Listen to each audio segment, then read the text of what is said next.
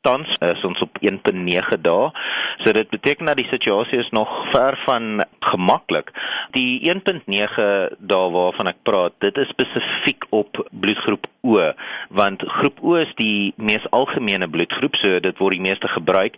Dit is uh, ook spesifiek O negatief is die uh, universele bloedgroep. So dit kan aan enige van die ander bloedgroepe gegee word. As jy kyk na ons A en AB bloedgroep vlakke, sit ons ver bo die 5 dae se voorraad. So baie van daai skenkers kon ook gaan plaatjies skenk. Is daar enige provinsies wat nou vir julle 'n probleem van kommer is?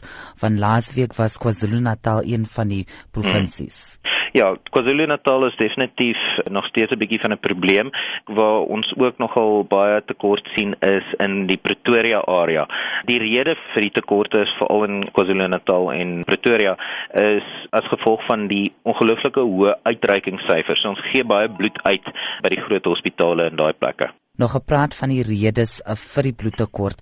Uh, is dit ook weens 'n verkoue en sinus wat mense het? Uh, onder andere, maar ek dink een van die groot redes ook is daar's minder as 1% van die bevolking wat tans bloed skenk.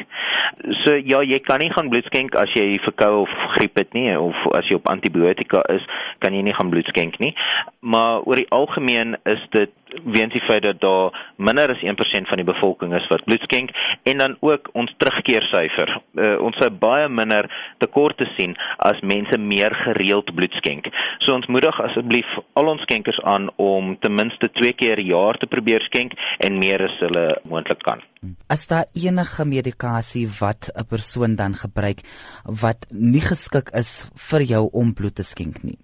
Daar is verskeie verskillende tipes medikasie wat jou sal verhoed om bloed te skenk net kortliks dinge soos Roaccutane of Warfarin, maar daar's 'n hele lys by ons bloedskenkfasiliteite wat al die medikasie uiteensit. Jy kan ook ons inbelsentrum skakel en hulle sal vir jou baie meer gedetailleerde besonderhede gee oor watter medikasie jy mag en mag nie gebruik nie.